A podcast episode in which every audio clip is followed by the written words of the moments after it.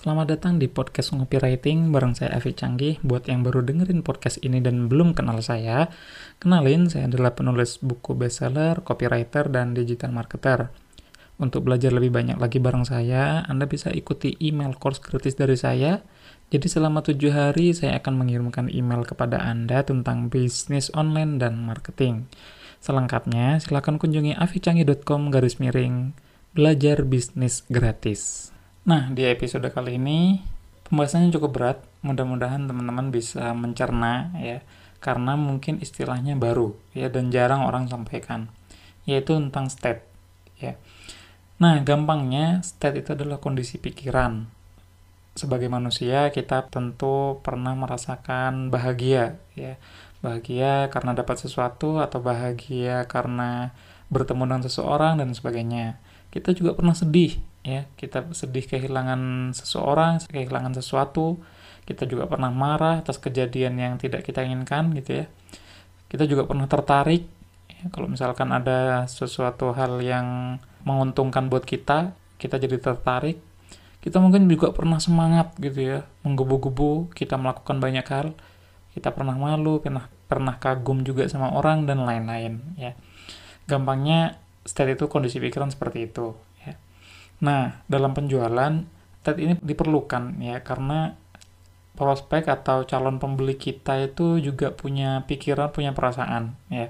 Saat kita tawarkan sebuah produk, ayo beli produk ini, ayo beli skincare ini, ayo beli baju ini, ada kadang-kadang orang yang nggak yakin, ada kadang-kadang orang yang ragu, ada yang juga macam-macam ya perasaan-perasaannya. Nah, masalah yang sering timbul, orang sering kali ya, atau kebanyakan penjual sering kali itu melarang atau menyuruh orang lain atau prospeknya atau pembacanya untuk mencapai state tertentu ya. Sebagai contoh ya, biar gampang, biar kebayang sebuah kalimat atau dua kata yaitu berupa ayo semangat ya. Ayo semangat gitu. Nah, pertanyaannya semangat itu apakah bisa diperintah? Ya. Kenyataannya enggak ya. Kita kalau dengar kalimat eh semangat gitu ya itu rada-rada bingung gitu ya. Emang aku kenapa harus semangat kayak gitu. Karena apa? Karena jadi semangat itu adalah kondisi perasaan ya. Pengen melakukan banyak hal karena ya tadi semangat. Tapi semangat ini nggak bisa disuruh seperti itu ya. Beli sekarang misalkan ya bisa aja deh disuruh karena ini bagian call to action ya di beberapa landing page saya atau di website juga ada tulisan beli sekarang emang bisa diklik. Cuma perasaan pengen beli itu nggak bisa serta merta mengubah pikiran orang gitu ya. Malu juga sama ya. Ada orang bicara depan panggung gitu ya seharusnya pede aja gitu ya. Tapi ya namanya malu gitu nggak bisa dilarang juga gitu. Jangan malu gitu jangan malu. Ya aku malu gitu ngomong depan publik malu misalkan atau jualan malu dan sebagainya. Maka harus ada hal lain yang disampaikan agar dia tidak malu gitu. Sebagai contoh kalau misalkan pengalaman saya belajar public speaking atau belajar jadi pembicara dulu ya itu salah satu hal yang bikin saya nggak malu adalah ketika saya menganggap bahwa audiens itu sebenarnya nggak menjadi kesalahan kita kok gitu. Atau kita malu karena kita punya kesalahan misalkan bajunya dikeluarin harusnya dimasukin ke meja gitu ya. Maka ya kita malu untuk nampil gitu. Atau saya biasa sharing atau biasa public speaking diundang ke berbagai kota bahas copywriting tapi kalau saya bahas misalkan tentang rekrutmen gitu rekrutmen karyawan ya saya malu untuk menyampaikan hal ini gitu. Tapi kalau menyampaikan tentang copywriting tentang bisnis online ayo gitu.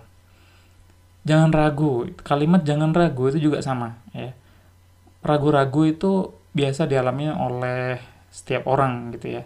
Jadi kalau misalkan bayangkan sekarang anda jalan di di pinggir jalan gitu ya kemudian ada orang bertato menyeramkan ya dan dia menawarkan sebuah obat ya yang kata dia itu bermanfaat untuk semua segala segala macam penyakit gitu ya. Anda nggak beli karena apa? Anda ragu gitu, Anda takut gitu. Nah, ketika ada kalimat jangan ragu, jangan takut, itu justru malah membuatnya dia makin ragu, makin takut.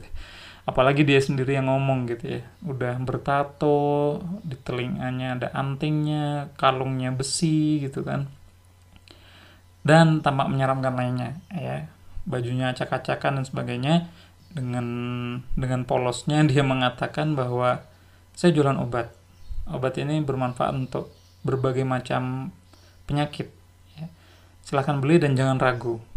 Nah, itu kita makin ragu gitu.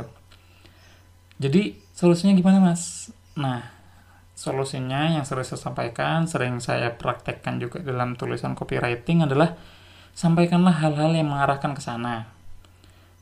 Bisa berupa cerita, bisa berupa artikel, bisa berupa apa aja lah. Jadi, contoh nih, semangat. Apa yang bikin orang semangat? biasanya sih kisah inspiratif ya ada kisah before after ada kisah orang yang ditipu bangkrut sampai miliaran kemudian sekarang jadi sukses karena banyak baca buku gitu kan. Kemudian tidur lebih sedikit ngikutin banyak seminar dan lain sebagainya dan sebagainya. Maka kita mendadak jadi semangat gitu ya. Terus ada orang yang difonis mandul atau nggak bisa punya anak. Kemudian dia berusaha ke sana kemari berusaha ke sana kemari. Akhirnya uh, dia menemukan satu obat gitu ya. Dan solusinya itu ternyata ada dia melakukan amalan A B C D sebagainya maka kita mendadak jadi semangat gitu ya jadi semangat bisa ditimbulkan dari kisah inspiratif ini berlaku juga bagi teman-teman yang mungkin seorang agen atau distributor atau upline atau owner mungkin yang nyemangatin tim penjualannya gitu ya. Itu mereka kalau misalkan lagi males-malesan jualan, jangan disuruh semangat jualan gitu ya. Mungkin bisa disampaikan kisah-kisah inspiratif agar mereka semangat gitu. Terus nih ini untuk penjual ya kalau misalkan pengen mengarahkan prospek untuk tertarik ya jadi tertarik itu efek ya. Kemarin saya jualan produk digital ya untuk Instagram, desain gitu. Saya sampaikan before afternya. Jadi before sebelum menggunakan produk yang saya jual ini tampilannya seperti ini. Setelah menggunakan produk yang saya jual, tampilan feed Instagramnya seperti B gitu. Itu langsung ada yang komen, ya Allah kenapa aku baca postingan Mas Safi yang ini gitu. Jadi pengen beli gitu. Jadi dia setelah melihat before after atau mungkin penjelasan produk gitu ya, itu dia jadi tertarik. Jadi tertarik itu nggak bisa diperintah. Ayo tertarik dengan produkku gitu, nggak bisa, ya. Terus hal lain adalah dengan meyakinkan. Kadang-kadang orang tuh ragu kalau mau belanja online gitu ya, tapi bagaimana cara meyakinkannya? itu jangan disuruh yakinlah sama aku jangan ya tapi meyakinkan karena penampilan yang elegan mungkin ya jadi foto covernya harus menarik desainnya harus keren terus cara menyampaikannya juga oke okay. udah gitu ada review dari orang lain dari customer orang lain itu cukup meyakinkan ya. Terus jangan ragu ya. Ragu-ragu ya tadi udah saya bahas nggak bisa diperintah nggak bisa dilarang ya. Ketika ada copywriting atau teks penjualan yang mengatakan jangan ragu dengan produk saya, maka itu sama aja dengan apa ya sama aja dengan bikin orang jadi mikir lagi gitu kenapa aku nggak ragu? gitu kan. Kayak gitu. Bahkan ketika ngomong jangan ragu yang diingat adalah ragunya ya kata jangannya itu jadi dilupakan ya coba bayangkan ya coba bayangkan sekarang ikuti larangan saya ya.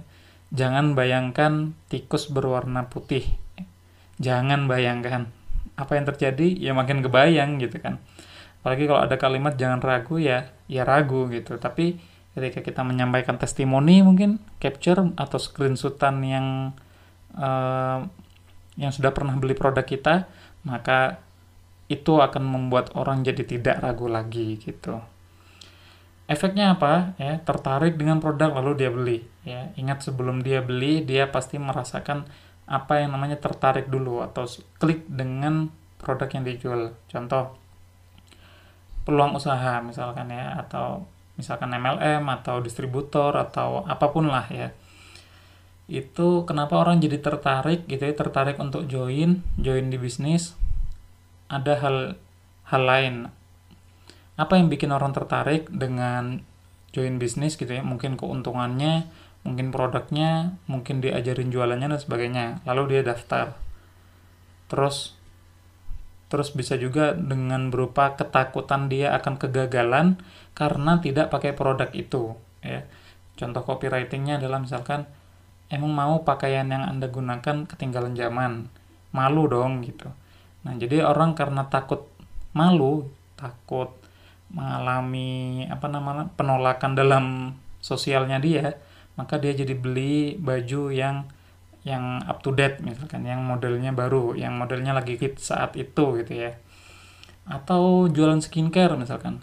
Takut tidak cantik lagi kita timbulkan efek takut karena berbagai cerita takut dengan merkuri takut dengan apa-apa maka dia jadi pengen beli produk ya.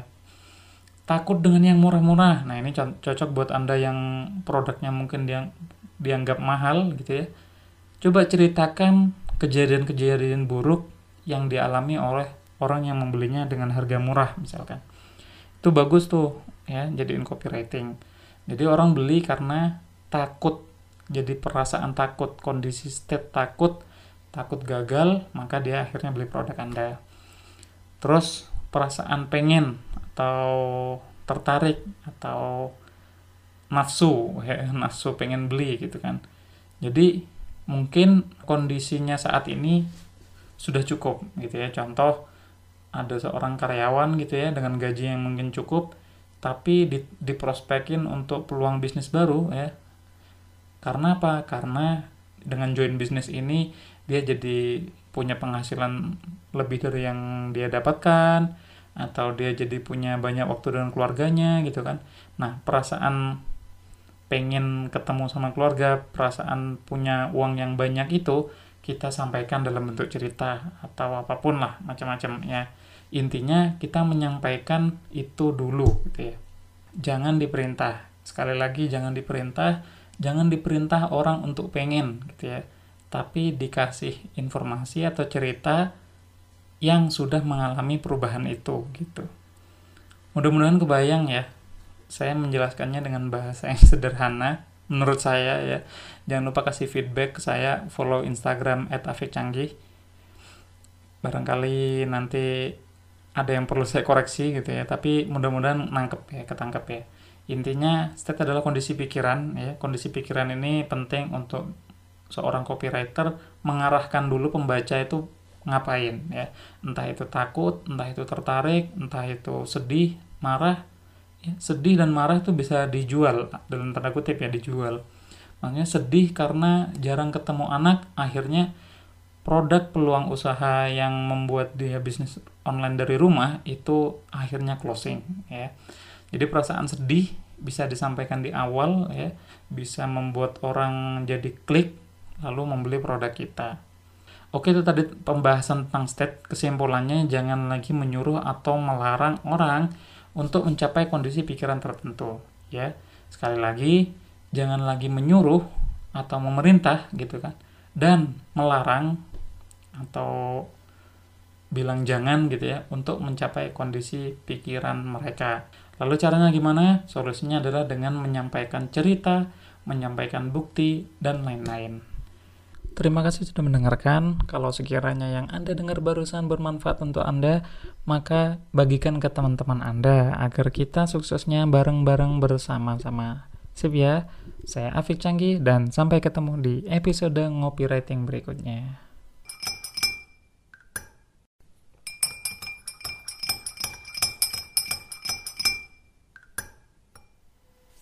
Selamat datang di podcast Ngopi Writing bareng saya Avi Canggih. Buat yang baru dengerin podcast ini dan belum kenal saya, kenalin saya adalah penulis buku bestseller, copywriter, dan digital marketer.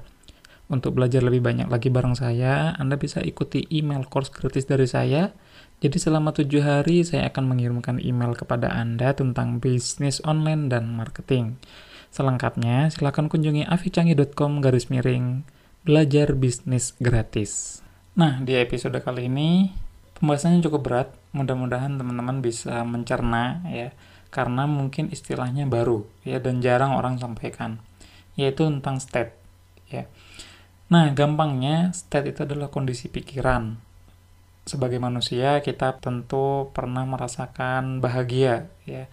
Bahagia karena dapat sesuatu atau bahagia karena bertemu dengan seseorang dan sebagainya. Kita juga pernah sedih ya kita sedih kehilangan seseorang kehilangan sesuatu kita juga pernah marah atas kejadian yang tidak kita inginkan gitu ya. Kita juga pernah tertarik ya, kalau misalkan ada sesuatu hal yang menguntungkan buat kita kita jadi tertarik. Kita mungkin juga pernah semangat gitu ya menggebu-gebu kita melakukan banyak hal. Kita pernah malu pernah pernah kagum juga sama orang dan lain-lain ya.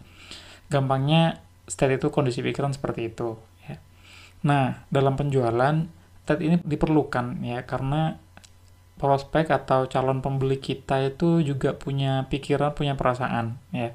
Saat kita tawarkan sebuah produk, ayo beli produk ini, ayo beli skincare ini, ayo beli baju ini, ada kadang-kadang orang yang nggak yakin, ada kadang-kadang orang yang ragu, ada yang juga macam-macam ya perasaan-perasaannya.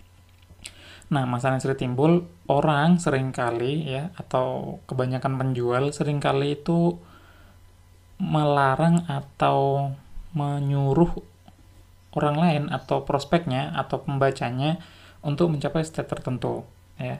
Sebagai contoh ya, biar gampang, biar kebayang sebuah kalimat atau dua kata yaitu berupa ayo semangat ya. Ayo semangat gitu. Nah, pertanyaannya semangat itu apakah bisa diperintah? Ya. Kenyataannya enggak ya. Kita kalau dengar kalimat eh semangat gitu ya itu rada-rada bingung gitu ya. Emang aku kenapa harus semangat kayak gitu. Karena apa? Karena jadi semangat itu adalah kondisi perasaan ya pengen melakukan banyak hal. Karena ya tadi semangat. Tapi semangat ini nggak bisa disuruh seperti itu ya. Beli sekarang misalkan ya bisa aja deh disuruh karena ini bagian call to action ya di beberapa landing page saya juga atau di website juga ada tulisan beli sekarang emang bisa diklik. Cuma perasaan pengen beli itu nggak bisa serta-merta mengubah pikiran orang gitu ya. Malu juga sama ya. Ada orang bicara depan panggung gitu ya seharusnya pede aja gitu ya.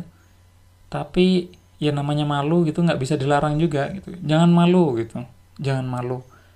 Ya aku malu gitu ngomong depan publik malu misalkan atau jualan malu dan sebagainya. Maka harus ada hal lain yang disampaikan agar dia tidak malu gitu. Sebagai contoh kalau misalkan pengalaman saya belajar public speaking atau belajar jadi pembicara dulu ya itu salah satu hal yang bikin saya nggak malu adalah ketika saya menganggap bahwa audiens itu sebenarnya nggak menjadi kesalahan kita kok gitu. Atau kita malu karena kita punya kesalahan. Misalkan bajunya dikeluarin harusnya dimasukin ke meja gitu ya. Maka ya kita malu untuk nampil gitu. Atau saya biasa sharing atau biasa public speaking diundang ke berbagai kota bahas copywriting. Tapi kalau saya bahas misalkan tentang rekrutmen gitu rekrutmen karyawan ya saya malu untuk menyampaikan hal ini gitu. Tapi kalau menyampaikan tentang copywriting tentang bisnis online ayo gitu. Jangan ragu. Kalimat jangan ragu itu juga sama ya. Ragu-ragu itu biasa dialami oleh setiap orang gitu ya. Jadi kalau misalkan bayangkan sekarang anda jalan di di pinggir jalan gitu ya. Kemudian ada orang bertato menyeramkan ya. Dan dia menawarkan sebuah obat ya yang kata dia itu bermanfaat untuk semua segala segala macam penyakit gitu ya. Anda nggak beli karena apa? Anda ragu gitu, Anda takut gitu. Nah, ketika ada kalimat jangan ragu, jangan takut, itu justru malah membuatnya dia makin ragu, makin takut. Apalagi dia sendiri yang ngomong gitu ya. Udah bertato, di telinganya ada antingnya, kalungnya besi gitu kan dan tampak menyeramkan lainnya ya. Bajunya acak-acakan dan sebagainya. Dengan dengan polosnya dia mengatakan bahwa saya jualan obat. Obat ini bermanfaat untuk berbagai macam penyakit ya. silahkan beli dan jangan ragu. Nah itu kita makin ragu gitu. Jadi solusinya gimana mas? Nah, solusinya yang sering saya sampaikan, sering saya praktekkan juga dalam tulisan copywriting adalah sampaikanlah hal-hal yang mengarahkan ke sana.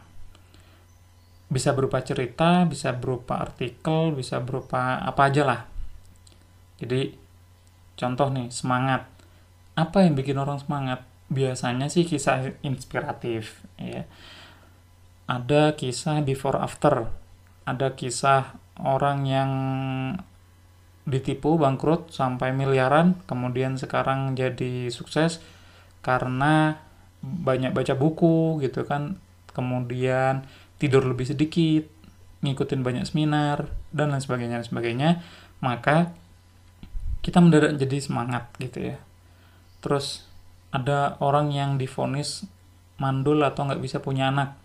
Kemudian dia berusaha ke sana kemari berusaha ke sana kemari. Akhirnya uh, dia menemukan suatu obat gitu ya. Dan solusinya itu ternyata ada dia melakukan amalan A B C D sebagainya maka kita mendadak jadi semangat gitu ya. Jadi semangat bisa ditimbulkan dari kisah inspiratif. Ini berlaku juga bagi teman-teman yang mungkin seorang agen atau distributor atau upline atau owner mungkin yang nyemangatin tim penjualannya gitu ya. Itu mereka kalau misalkan lagi males-malesan jualan jangan disuruh semangat jualan gitu ya. Mungkin bisa disampaikan kisah-kisah inspiratif agar mereka semangat gitu. Terus nih ini untuk penjual ya kalau misalkan pengen mengarahkan prospek untuk tertarik ya. Jadi tertarik itu efek ya. Kemarin saya jualan produk digital ya untuk Instagram desain gitu. Saya sampaikan before afternya. Jadi before sebelum menggunakan produk yang saya jual ini tampilannya seperti ini. Setelah menggunakan produk yang saya jual, tampilan feed Instagramnya seperti B gitu. Itu langsung ada yang komen, ya Allah kenapa aku baca postingan Mas Safi yang ini gitu. Jadi pengen beli gitu. Jadi dia setelah melihat before after atau mungkin menjelaskan produk gitu ya, itu dia jadi tertarik. Jadi tertarik itu nggak bisa diperintah. Ayo tertarik dengan produkku gitu, nggak bisa. Ya Terus hal lain adalah dengan meyakinkan. Kadang-kadang orang tuh ragu kalau mau belanja online gitu ya. Tapi bagaimana cara meyakinkannya? Itu jangan disuruh yakinlah sama aku jangan ya. Tapi meyakinkan karena penampilan yang elegan mungkin ya. Jadi foto covernya harus menarik, desainnya harus keren, terus cara menyampaikannya juga oke. Okay. Udah gitu ada review dari orang lain, dari customer orang lain itu cukup meyakinkan ya. Terus jangan ragu ya. Ragu-ragu ya tadi udah saya bahas nggak bisa diperintah nggak bisa dilarang ya. Ketika ada copywriting atau teks penjualan yang mengatakan jangan ragu dengan produk saya maka itu sama aja dengan apa ya sama aja dengan bikin orang jadi mikir lagi gitu kenapa aku nggak ragu? gitu kan. Kayak gitu. Bahkan ketika ngomong jangan ragu yang diingat adalah ragunya ya kata jangannya itu jadi dilupakan ya. Coba bayangkan ya. Coba bayangkan sekarang ikuti larangan saya ya. Jangan bayangkan tikus berwarna putih. Jangan bayangkan apa yang terjadi ya makin kebayang gitu kan. Apalagi kalau ada kalimat jangan ragu ya ya ragu gitu. Tapi ketika kita menyampaikan testimoni mungkin capture atau screenshotan yang uh, yang sudah pernah beli produk kita maka itu akan membuat orang jadi tidak ragu lagi gitu. Efeknya apa? Ya, tertarik dengan produk lalu dia beli. Ya, ingat sebelum dia beli dia pasti merasakan apa yang namanya tertarik dulu atau klik dengan produk yang dijual. Contoh peluang usaha misalkan ya atau misalkan MLM atau distributor atau apa pun lah ya itu kenapa orang jadi tertarik gitu ya tertarik untuk join join di bisnis? Ada hal hal lain. Apa yang bikin orang tertarik dengan join bisnis gitu ya? Mungkin keuntungannya mungkin produknya mungkin diajarin jualannya dan sebagainya. Lalu dia daftar. Terus terus bisa juga dengan berupa ketakutan dia akan kegagalan karena tidak pakai produk itu ya. Contoh copywritingnya adalah misalkan emang mau pakaian yang Anda gunakan ketinggalan zaman. Malu dong gitu. Nah, jadi orang karena takut malu takut mengalami apa namanya penolakan dalam sosialnya dia, maka dia jadi beli baju yang yang up to date misalkan yang modelnya baru, yang modelnya lagi hit saat itu gitu ya. Atau jualan skincare misalkan, takut tidak cantik lagi. Kita timbulkan efek takut karena berbagai cerita, takut dengan merkuri, takut dengan apa-apa, maka dia jadi pengen beli produk ya. Takut dengan yang murah-murah. Nah, ini cocok buat Anda yang produknya mungkin yang dianggap mahal gitu ya. Coba ceritakan kejadian-kejadian buruk yang dialami oleh orang yang membelinya dengan harga murah misalkan itu bagus tuh ya jadiin copywriting jadi orang beli karena takut jadi perasaan takut kondisi state takut takut gagal maka dia akhirnya beli produk anda. Terus perasaan pengen atau tertarik atau nafsu ya nafsu pengen beli gitu kan. Jadi mungkin kondisinya saat ini sudah cukup gitu ya. Contoh ada seorang karyawan gitu ya dengan gaji yang mungkin cukup tapi di, diprospekin untuk peluang bisnis baru ya karena apa karena dengan join bisnis ini dia jadi punya penghasilan lebih dari yang dia dapatkan atau dia jadi punya banyak waktu dengan keluarganya gitu kan nah perasaan pengen ketemu sama keluarga, perasaan punya uang yang banyak itu kita sampaikan dalam bentuk cerita atau apa pun lah macam-macam ya. Intinya kita menyampaikan itu dulu gitu ya. Jangan diperintah. Sekali lagi jangan diperintah, jangan diperintah orang untuk pengen gitu ya. Tapi dikasih informasi atau cerita yang sudah mengalami perubahan itu gitu. Mudah-mudahan kebayang ya. Saya menjelaskannya dengan bahasa yang sederhana menurut saya ya. Jangan lupa kasih feedback ke saya follow Instagram @afikcanggih barangkali nanti ada yang perlu saya koreksi gitu ya. Tapi mudah-mudahan nangkep ya ketangkep ya intinya state adalah kondisi pikiran ya. Kondisi pikiran ini penting untuk seorang copywriter mengarahkan dulu pembaca itu ngapain ya. Entah itu takut entah itu tertarik entah itu sedih marah ya, sedih dan marah itu bisa dijual dalam tanda kutip ya dijual. Makanya sedih karena jarang ketemu anak akhirnya produk peluang usaha yang membuat dia bisnis online dari rumah itu akhirnya closing ya jadi perasaan sedih bisa disampaikan di awal ya. Bisa membuat orang jadi klik lalu membeli produk kita. Oke itu tadi pembahasan tentang state. Kesimpulannya jangan lagi menyuruh atau melarang orang untuk mencapai kondisi pikiran tertentu ya. Sekali lagi jangan lagi menyuruh atau memerintah gitu kan. Dan melarang atau bilang jangan gitu ya untuk mencapai kondisi pikiran mereka lalu caranya gimana solusinya adalah dengan menyampaikan cerita menyampaikan bukti dan lain-lain Terima kasih sudah mendengarkan. Kalau sekiranya yang Anda dengar barusan bermanfaat untuk Anda, maka bagikan ke teman-teman Anda agar kita suksesnya bareng-bareng bersama-sama. Sip ya, saya Afik Canggih dan sampai ketemu di episode Ngopi Writing berikutnya.